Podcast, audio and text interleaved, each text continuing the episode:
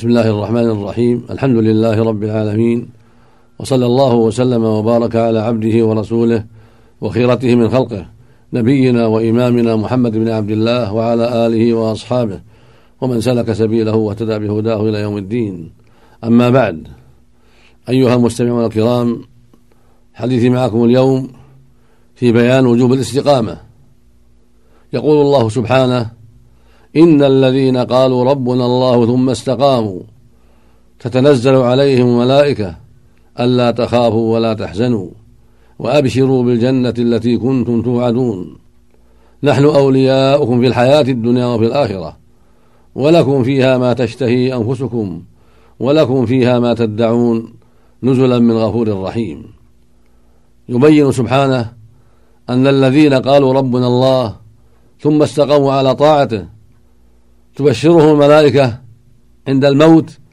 بالجنة والكرامة والسعادة وأنه لا خوف عليهم ولا حزن ويا لها من نعمة عظيمة وفضل كبير.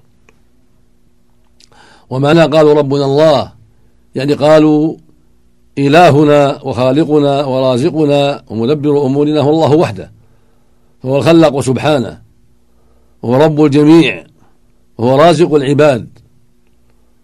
وهو المستحق لأن يعبد بطاعة أمره وترك نهيه عن إيمان به سبحانه وإيمان برسله عليهم الصلاة والسلام وعن إخلاص له في العمل وعن خوف ورجاء خوف من غضبه ورجاء لرحمته وثوابه. ثم استقاموا على طاعة الله. يعني قالوا وعملوا. لأن بعض الناس قد يقول ويتكلم ويدعي ولكنه لا يعمل.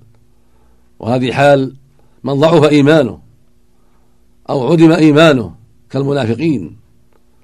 أما الكمل من أهل الإيمان فإنهم يقولون ويفعلون. وقد عاب الله على بعض المسلمين لما قالوا ولم يفعلوا. فقال عز وجل يا أيها الذين آمنوا لم تقولون ما لا تفعلون؟ كبر مقتا عند الله أن تقولوا ما لا تفعلون. فتبين بهذا أنه لا يليق بالمؤمن ولا بالمؤمنة أن يقول الخير ثم لا يعمل أو ينهى عن الشر ثم يقدم عليه. هذا لا يليق بالمؤمنين ولا بالمؤمنات.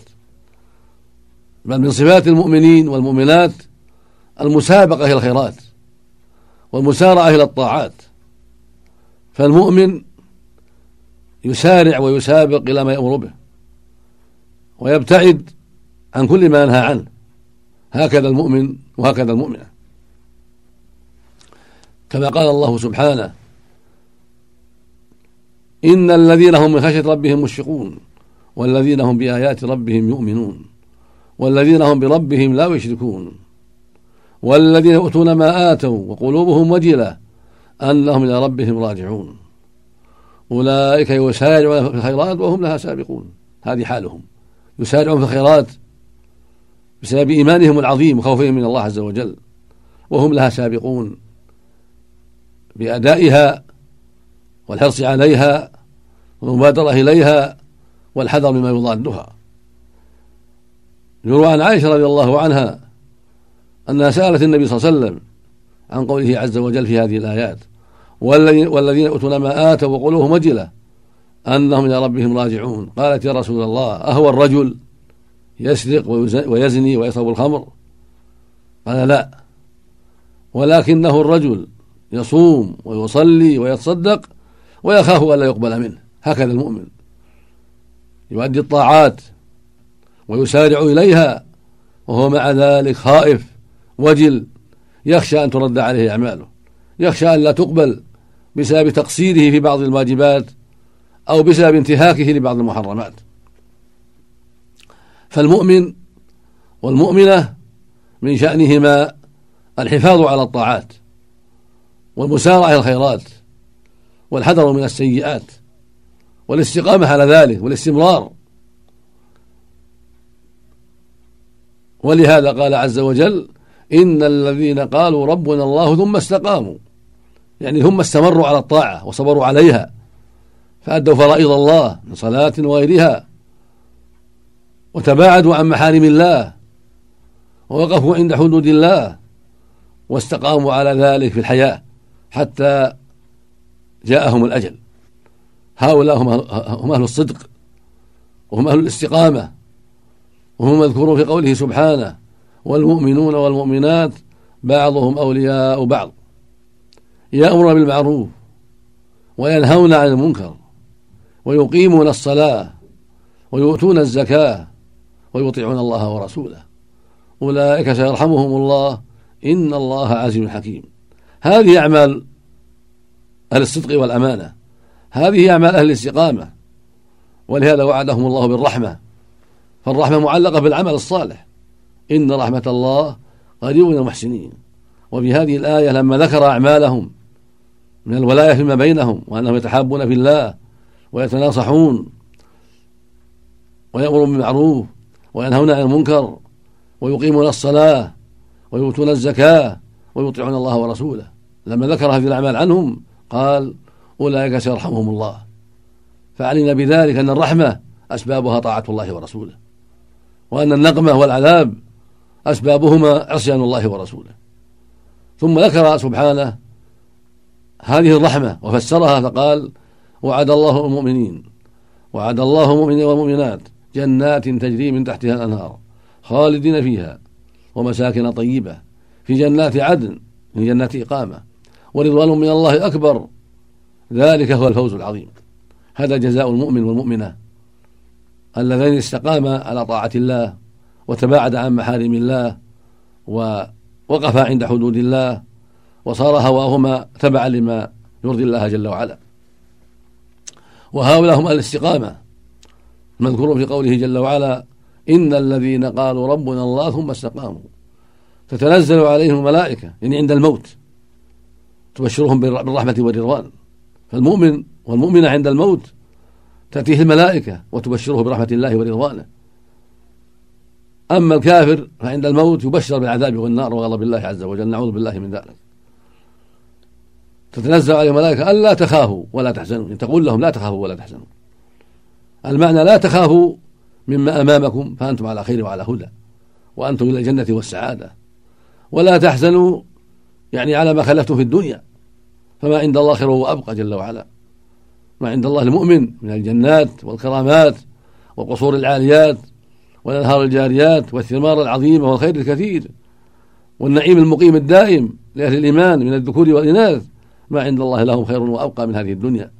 ولو أعطوا فيها مثل ملوك أهلها. فما عند الله خير لهم.